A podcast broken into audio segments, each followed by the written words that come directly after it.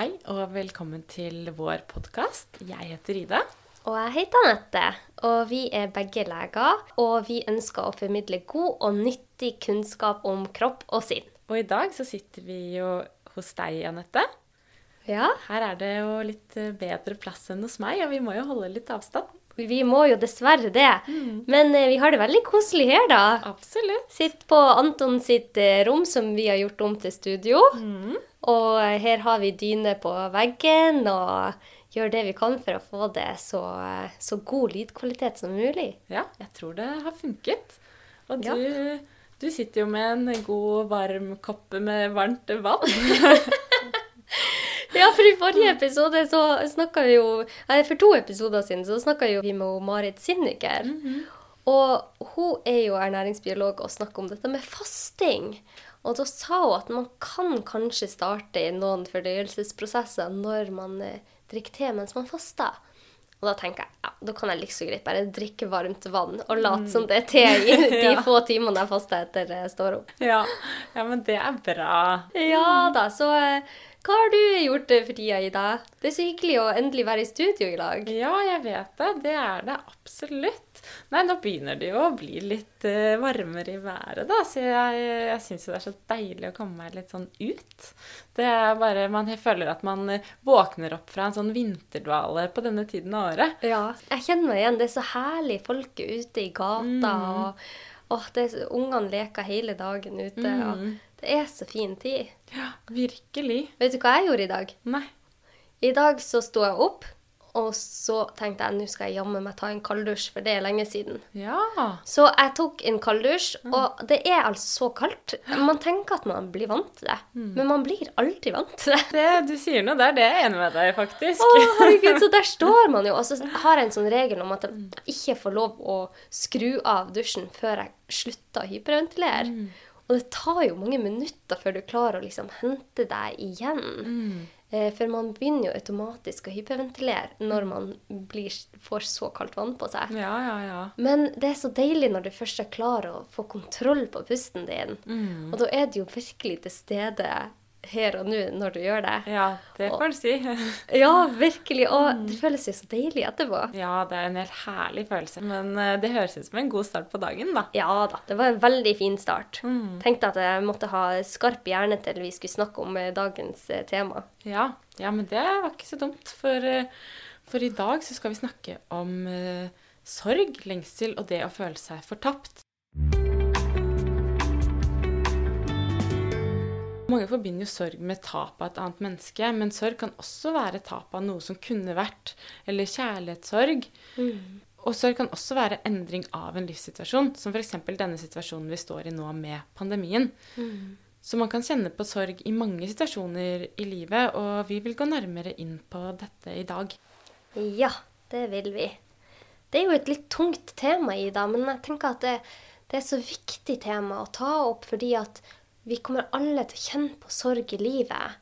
Og det å få verktøy som faktisk hjelper en, er kjempeviktig for at man skal eh, komme seg gjennom sorgen, selv om sorgen kanskje vil være en del av deg. Så ja, jeg, jeg tror det er veldig fint å ha verktøy, i hvert fall når man står i det. Mm, det tenker jeg også.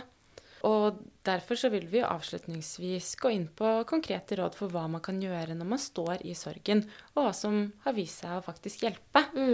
Og vi er jo alle forskjellige, og man må jo finne ut hvilke råd som passer for seg, så man får jo bare prøve seg litt frem. Ja. Men, eh, men hva er eh, definisjonen på sorg, Anette? Jo, definisjonen, hvis du eh, søker opp det, så står det at sorg er den normale psykologiske reaksjonen på tap. For eksempel så forbinder jo veldig mange sorg med eh, tap av en person som har stått en følelsesmessig nær. Og utviklingen av sorg over tid kalles en sorgprosess. Så det var den litt tunge eh, formuleringa. Men som vi har vært inne på, så kan man jo også oppleve sorg i andre forbindelser enn tap av et annet menneske. Man kan føle sorg etter et brudd, sorg for noe som har vært, men ikke er der lenger. Sorg for at man står i en situasjon man tenkte skulle være annerledes. Men vi må jo anerkjenne her at den største sorgen vi mennesker kan oppleve, er jo tap av et menneske, et annet menneske som har vært en nær. Mm. Det kan ikke sammenlignes med andre typer sorg, for vi kan ikke gå gjennom noe vanskeligere enn det. Og vi kommer til å ha en episode om akkurat dette temaet ved en senere anledning. Men i denne episoden ønsker vi å snakke om også andre årsaker til at vi mennesker kan føle sorg. Fordi at vi går gjennom mange kriser i livene våre som kan lede til at vi må gjennom en sorgprosess. Og dette er veldig skamfullt for mange på grunn av at vi tenker at ja, hvordan har vi rett til å sørge i en slik prosess når andre går gjennom noe som er så mye verre enn det jeg går gjennom? Men her i denne episoden så ønsker vi å gi konkrete råd til de som står i sorgen. Gi forskningsbaserte råd da, som kan hjelpe. Og så ønsker jeg også å bare få sagt det at det er kjempeviktig at hvis du står i en uhåndterlig situasjon, så er det kjempeviktig at du søk profesjonell hjelp. Det er så mange gode terapeuter der ute som kan hjelpe deg eh, i en eh, sånn situasjon. Jeg tenkte bare at vi skulle få sagt det først, Ida. Mm. Så, men vi, vil, eh, vi kommer til å snakke om eh, sorg i mange arenaer av livet. Og hver persons sorg er jo like unik som deres fingeravtrykk. Men det som eh, alle har til felles, er at uansett hvordan de sørger, har de alle behov, eller vi alle behov, for at eh, sorgen vår skal bli sett. Og betyr ikke at man trenger at noen skal prøve å ta bort sorgen fra oss eller fikse det for oss, men vi trenger at noen er fullt til stede for omfanget av sorgen vi står i, uten å prøve å ta bort smerten vår, da. Mm. Og det er så fint formulert formulert, Ida, for det er akkurat det man trenger. Mm. Det, vi mennesker vi er veldig løsningsorientert, og vi har så lyst å hjelpe noen som står i noe smertefullt. Og man har lyst til å ta bort den sorgen eller bære den for dem. Men eh, det går ikke. Hver og en må gå gjennom den sorgprosessen selv. Mm. Og ofte så er det bare det ene den personen trenger, er at du er til stede og hører på dem. Mm. Lytter til hva de har å si, eller bare de trenger ikke engang å snakke, bare det at de vet at det er noen andre der mm. som er der for dem. Mm.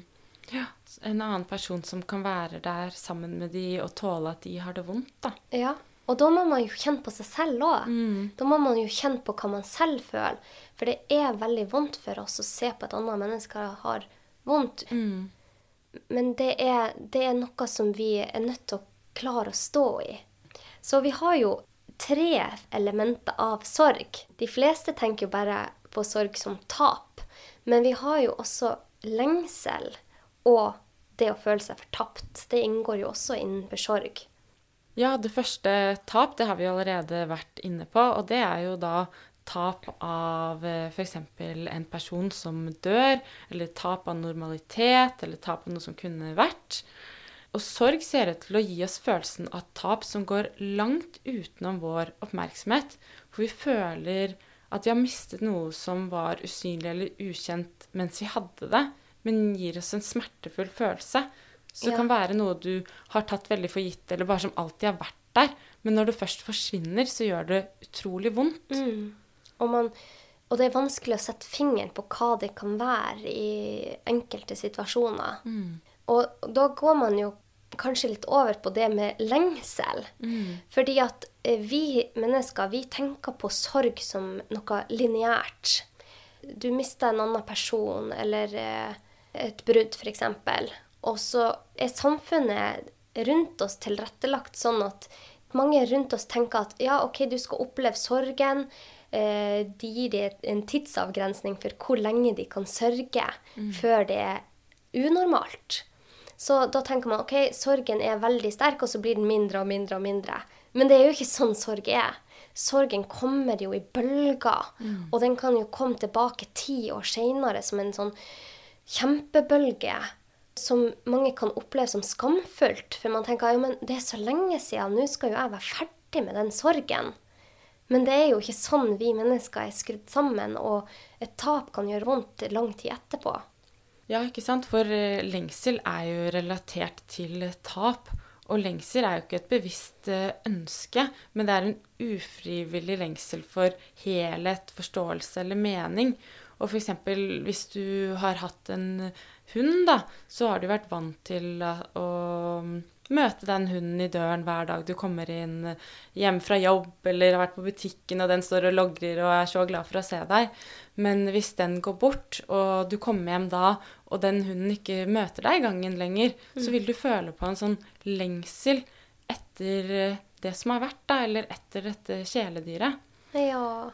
Så lengsel er en grunnleggende og viktig del av sorgen, men mange føler man ikke kan snakke høyt om denne delen av sorgen fordi man er redd for å bli kanskje misforstått, da. Fordi lengselen kan jo komme i lang tid etter tapet, eller at du har mistet uh, denne hunden.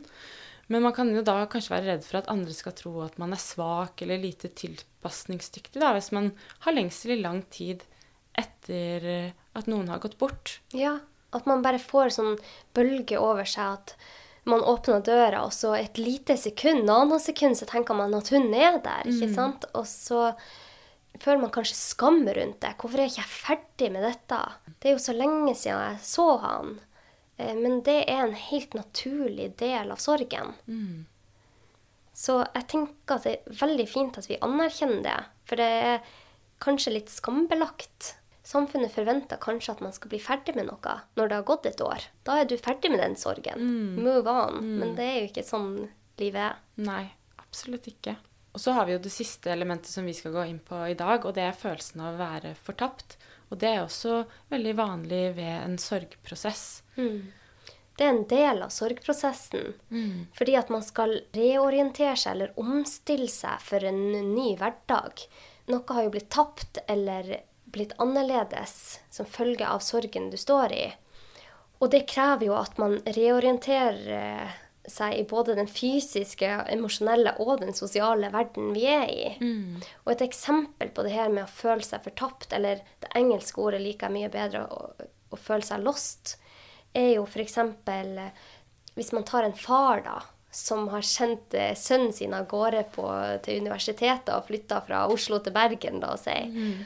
Og begge foreldrene har bodd med dette barnet i 18 år, og plutselig er ikke barnet der. Det er mange som føler en sorg i den forbindelsen. Um, og da kan man føle seg litt lost, for man vet ikke Hvor skal vi sitte nå når vi mm. spiser middag? Mm. Hva, jeg har bretta disse klærne, men det er jo ingen som trenger de lenger. Mm. Det er mange prosesser man må gå gjennom da, og det er en helt naturlig del av den sorgen man står i. Men igjen, dette er en del av sorgen som mange ikke snakker om. Mm. Ja, absolutt. Og jo vanskeligere det er for oss å forklare og vise de rundt oss hvordan vi føler oss når vi sørger, lengter eller føler oss fortapte, da, jo mer frakoblet og alene føler vi oss når vi da ikke får pratet om det. Ja, akkurat. Så det er jo en viktig del av prosessen å snakke ut. Mm. Og det er vanskelig å finne ordene, kanskje. Det er vanskelig å forklare hva man føler det sekundet man åpner døra og hunden ikke er der, eller når du tenker at du skal eh, rope opp og si at det er middag, og så er ikke sønnen din der. Mm. Eh, men det å sette ord på det vil nok gjøre det lettere for veldig mange. Og det skal vi gå nærmere inn på. Hvordan teknikker kan vi bruke for å eh, håndtere sorgen på best mulig måte? Mm. Men før vi går inn på det i dag, så tenkte vi at vi skulle snakke om noe som dessverre de fleste mennesker vil gå gjennom i løpet av livet sitt. Ja, det skal vi, så vi tenkte jo å prate om kjærlighetssorg. Det er jo noe de aller fleste kommer til å oppleve eller har opplevd i livet sitt. Men Anette, da må vi vel starte med hva er egentlig kjærlighetssorg? Ja, kjærlighetssorg er i hovedsak en tilstand av et emosjonelt tap. Det er jo forskjellig for oss alle, men de intense følelsene av tristhet, sorg og ofte en overveldende følelse av å aldri kunne komme forbi smerten, er vanlig når man opplever kjærlighetssorg.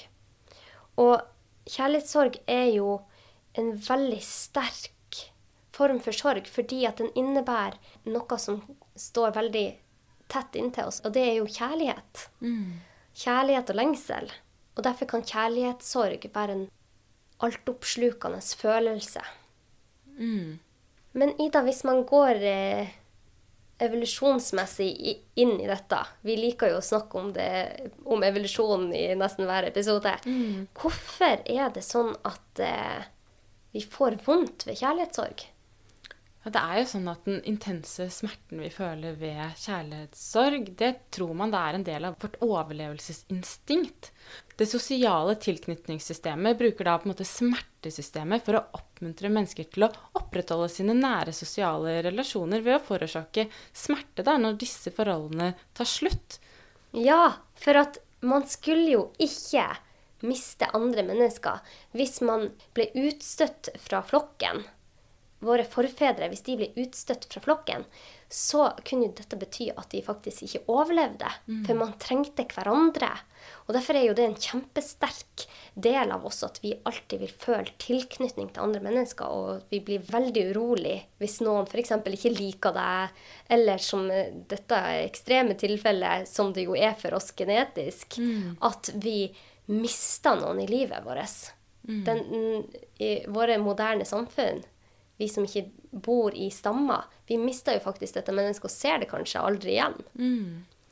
Så det er jo en genetisk årsak til det hele. Mm, det er jo det. Så da, da skjønner man at uh, evolusjonsmessig så var det en grunn til at uh, det skulle gjøre så vondt, og derfor gjør det jo fremdeles så vondt. Ja.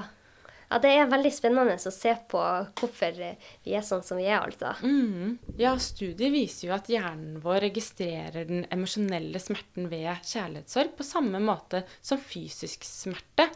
Og det er grunnen til at du kan føle at kjærlighetssorgen din forårsaker faktisk en sånn fysisk smerte i kroppen. Da. Det har jo blitt forsket på dette. Og en studie, der tok eh, forskerne mm, mennesker, og så skulle de menneskene får se et bilde av eksen sin. Og så um, de målte de hjerneaktiviteten, og så skulle de brenne disse menneskene på armen, og så målte de hjerneaktiviteten deres da også. Oi. Og da så man, ja, og det som er spennende her, er jo at da så man at det var samme hjerneområde og lik hjerneaktivitet når de så på bildet av eksen sin, som når de brant seg på armen. Herre Så den min. psykiske og fysiske smerte, smerten på en måte opplevdes likt i hjernen. Det er helt utrolig. Mm. Så det er fire av samme område i hjernen din hvis du blir brent på armen som å se eksen hvis du ikke er kommet over den sorgen. Ja, det stemmer. Ja, det er kjempefascinerende, altså. Mm. Så da, da skjønner man at det, det gjør ordentlig vondt, altså. Ja. Men Anette, ser vi noen andre fysiske endringer på kroppen ved kjærlighetssorg? ja, ganske mange faktisk. Men man har jo et eh, syndrom som man kaller broken heart syndrome, eller takotsubo kardiomyopati. Og det er det medisinske navnet på et syndrom som kan være forårsaka av kjærlighetssorg. Eller mer nøyaktig da stresset man opplever i en hjerteskjærende situasjon. Og forskjellen fra et hjerteinfarkt er at det er veldig mange av de samme symptomene, men du finner ikke noen tette blodårer her. Så det som skjer da, er at når du opplever et sånt akutt emosjonelt stress som det er, kan det føre til at eh, venstredelen av hjertet ditt blir det vi sier lamslått i eh, gåseøya. Og det kan forårsake hjerteinfarkt-lignende symptomer som sterke smerter i brystet, arm eller skulder, kortpusthet, svimmelhet. Du kan besvime, kvalme og oppkast. Men det som er veldig bra, den gode nyheten med broken heart syndrome, er jo at den forårsaker vanligvis ikke permanent skade, som et hjerteinfarkt. Og det betraktes jo som en selvbegrensende sykdom som spontant løser seg i løpet av eh, dager til uker. Men eh, det har vært ganske mange tilfeller opp gjennom årene der folk kommer inn og man tenker at de har et hjerteinfarkt på akutten, men så er det faktisk broken heart syndrome. Mm. Ja, og der ser vi jo hvor, hvor sterkt, eh, sterke disse reaksjonene i kroppen faktisk er, da. Ja, ja, og det ser man jo òg på statistikken når eh, eldre mister partneren sin. Der ser man jo at det er 41% større sannsynlighet for å dø i løpet av de første seks månedene etter å ha mista sin ektefelle. Og forskere har òg sett at det kanskje kan være opp mot 53 økt risiko for hjerte- og karsykdom. Mm. Så det å ha et knust hjerte, det er, det er ikke bare bare for kroppen vår. Det er jo ikke det. Men dette ble jo veldig eh, sørgelig da. For de aller, aller fleste av oss kommer gjennom dette. De fleste av oss vil jo sannsynligvis oppleve en eller annen form for sorg. Og heldigvis finnes det mange gode råd til hvordan man skal komme seg gjennom dette. Så Ida, kan ikke vi gå inn på det? Ja, nå må vi jo komme med noen råd, og nå går vi ikke bare inn på råd som hjelper mot kjærlighetssorg, men som kan hjelpe for eh, sorg generelt. Og så må jo alle bare prøve å finne de rådene som passer for seg. Men studier har i hvert fall vist at sosial støtte reduserer smerten, og sosialt isolerte individer viser da dårligere tilpasning til kjærlighetssorg enn de som da søker kontakt. Så det er viktig å omgås venner og familie, og hvis noen du kjenner har det vanskelig emosjonelt, så vær der for de sosialt. Og vi mennesker er jo flokkdyr, som vi har snakket om, så det, vi alle ønsker å høre til et sted. Ja. Så det er i hvert fall noe som man absolutt uh, burde prøve. Og kanskje man ikke har så lyst til å, å omgås mennesker engang, fordi man ønsker kanskje å trekke seg litt tilbake og være for seg selv, men kanskje tvinge seg litt til det noen ganger, Ja. fordi det gjør godt. Ja, og som vi var inne på tidligere, at eh, det forskninga viser, er at man trenger å ha noen som står støtt ved deg. Ikke noen som prøver å ta ifra deg smerten, men som står der i lag deg når du kjenner den. Så da føler man seg jo veldig sårbar. For noen så er det til og med skamfullt å føle på sorg. Men eh, det å få sagt det høyt, da, er kanskje noe av det viktigste man gjør. Absolutt. Et annet godt råd for å håndtere sorg er f- som vi sier, få snakka om det. Men mange vet ikke hvordan man skal snakke om det. De syns det er veldig vanskelig å sette ord på den sorgen de kjenner. Og da er et råd å skrive ned hva du føler. Skriv det ned på et ark. Ikke tenk at noen skal lese det. Ikke tenk på hvordan du formulerer deg, om du glemmer ord eller skriver feil. Bare skriv ned alle tanker du har. Og bare skriv det ned. Skriv helt til du er tom. For da får du mer Når du leser det etterpå, så klarer man litt å se hva er det jeg egentlig føler her, og hva er det hvordan er situasjonen min egentlig? Og da gjør det det kanskje lettere å si det høyt til noen andre. Så det kan være en god startprosess. Mm, det er kjempeviktig. Og så er det også viktig å kjenne på følelsene sine. Det å faktisk kjenne på følelser kan ofte være veldig vondt, og det er kanskje noe vi ønsker å unngå. Det er lett å kanskje prøve å unngå de, da. Men likevel så er det dette er noe av det viktigste du egentlig kan gjøre for å komme deg videre i en sorgprosess, da. Og prøve å da Jeg selv var jo gjennom eh, et brudd for snart et år siden, og da prøvde jeg å hver morgen starte dagen med å bare kjenne etter i min egen kropp og føle på ok, hvordan er det inni meg, og hva føler jeg, og bare kjenne etter på alle følelsene som kom, da. Ja. Istedenfor å hele tiden prøve å distrahere meg bort fra de, fordi da ligger de jo under der og ulmer bare. Sånn at det, prøve å sette av litt tid til å faktisk kjenne etter da, hvordan man har det i kroppen. Ja, så hvordan gjorde du det? Jeg bare la meg ned, da, og så tok jeg oppmerksomheten inn til kroppen og kjente etter sånn i brystet og magen og prøvde å bare puste inn i min egen kropp, da. Puste inn i hvordan jeg hadde det, da. Mm. Og bare ordentlig kjenne, kjenne på kroppen. Ja, du gjorde motsatt av det man egentlig intuitivt gjør. Man prøver å skyve bort smerten. Mm. Men for å komme seg gjennom den smerten, så må man ha kjent på den. Mm. Så det var jo eh, et veldig godt råd, Ida. Mm. Ja, det, det kan jeg virkelig anbefale. Og jeg prøver å starte hver eneste dag jeg nå med å kjenne på kroppen og bare ta en liten innsjekk. Ja, hvordan, hvordan har jeg det i dag, og hva føler jeg i dag? Og ja, bli litt mer kjent med hva som faktisk skjer inni meg, da. Ja, veldig godt tips. Mm. Ja, og mange døyver sorgen sin med alkohol, og da føler man seg bedre kanskje akkurat der og da. Men studier viser at det forlenger sorgprosessen og kan til og med gjøre sorgen verre. Så vi anbefaler ikke å drikke alkohol som en strategi for å komme over sorgen. Nei, det tenker vi at det er greit å vite om, fordi det er en kortvarig løsning, og det er ikke heller bærekraftig. Ja. Så nå har vi eh, gitt råd om å kjenne på følelsene.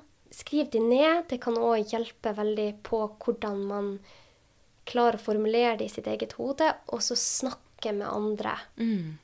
Og så kan man jo òg, for vi mennesker, vi er veldig løsningsorientert. Så det at andre kommer med råd med en gang, det er helt vanlig. Men kanskje du skal begynne samtalen med å si at jeg, jeg trenger å snakke om dette. Men jeg vil helst eh, bare at du skal høre på, lytte og være der for meg. Jeg Mm. trenger ikke løsninger i dag. Jeg trenger bare at du ser meg. Mm. Absolutt. Det er jo veldig fint å si. Så, og så er det jo selvfølgelig dette å prøve så godt man klarer å opprettholde gode vaner. Og få i seg nok mat og riktig ja, god næring og få så mye søvn man klarer. Og så er det jo sånn at eh, tiden hjelper jo. Så Ja. man må jo ofte også ta tiden til hjelp. Ja. Det, Men eh, ja, rutiner syns jeg er kjempebra at du nevner. mm. For det å opprettholde rutinene, ta seg den dusjen selv om du føler at alt er håpløst, Mm. og spis den gode, næringsrike maten din. Vi vet jo det at tarmbakteriene våre produserer serotonin, som er lykkehormoner. Også det å få bevegelse, komme seg ut. Vi har jo snakka om det før, Ida. Ja, ja. At man føler seg jo mye bedre bare man kommer ut og får lufta hodet litt. Mm, ja, ja, bare gå seg en tur, eller fysisk aktivitet som løping er jo også veldig bra, men å gå seg en tur også vil jo gi deg disse føl bra-stoffene, så, Ja. så det Mm. Ja. Jeg syns det var veldig eh, Dette har jeg i hvert fall eh, tenkt å implementere i mitt eget liv. Fordi at jeg ser at dette Det føles i hvert fall riktig for meg at det er sånne råd man skal få. Ikke tenke at man ikke skal tenke på det, eller føle skam rundt det. For det er ingenting som er skamfullt rundt det å føle sorg. Vi er så forskjellige alle sammen. mm, Absolutt. Det er vi. Og vi alle har sorg i livene våre, så sånn er det jo bare. Ja. Så vi må jo bare bli, prøve å lære oss eh, måter å håndtere det på. Mm. Ja. OK. Skal vi si at vi er ferdig med sorgeepisoden, dag? Ja. Vi har jo venta lenge med å lage den, fordi at eh, vi vil jo ikke at det skal bli en veldig tung episode å høre på. Men eh, Det er et viktig tema å ja, ta opp. ja, det er det. Mm. Så hvis du kjenner på den sorgen, i hvilken selvsituasjon du er i, så håper jeg at du kan få det bedre. Og at eh, kanskje noen av disse rådene kan hjelpe deg. Ja, håper at dere har fått noe ut av dagens episode. Og så ønsker vi dere bare en fin dag videre. Ja, ha en kjempefin dag. Og hvis dere har noen spørsmål til oss, så er vi på legeromlivet.gmil.com. Og vi gir også tips og triks på Facebook og Instagram. Ja, så da finner dere oss der. Så ha det bra. Ha det!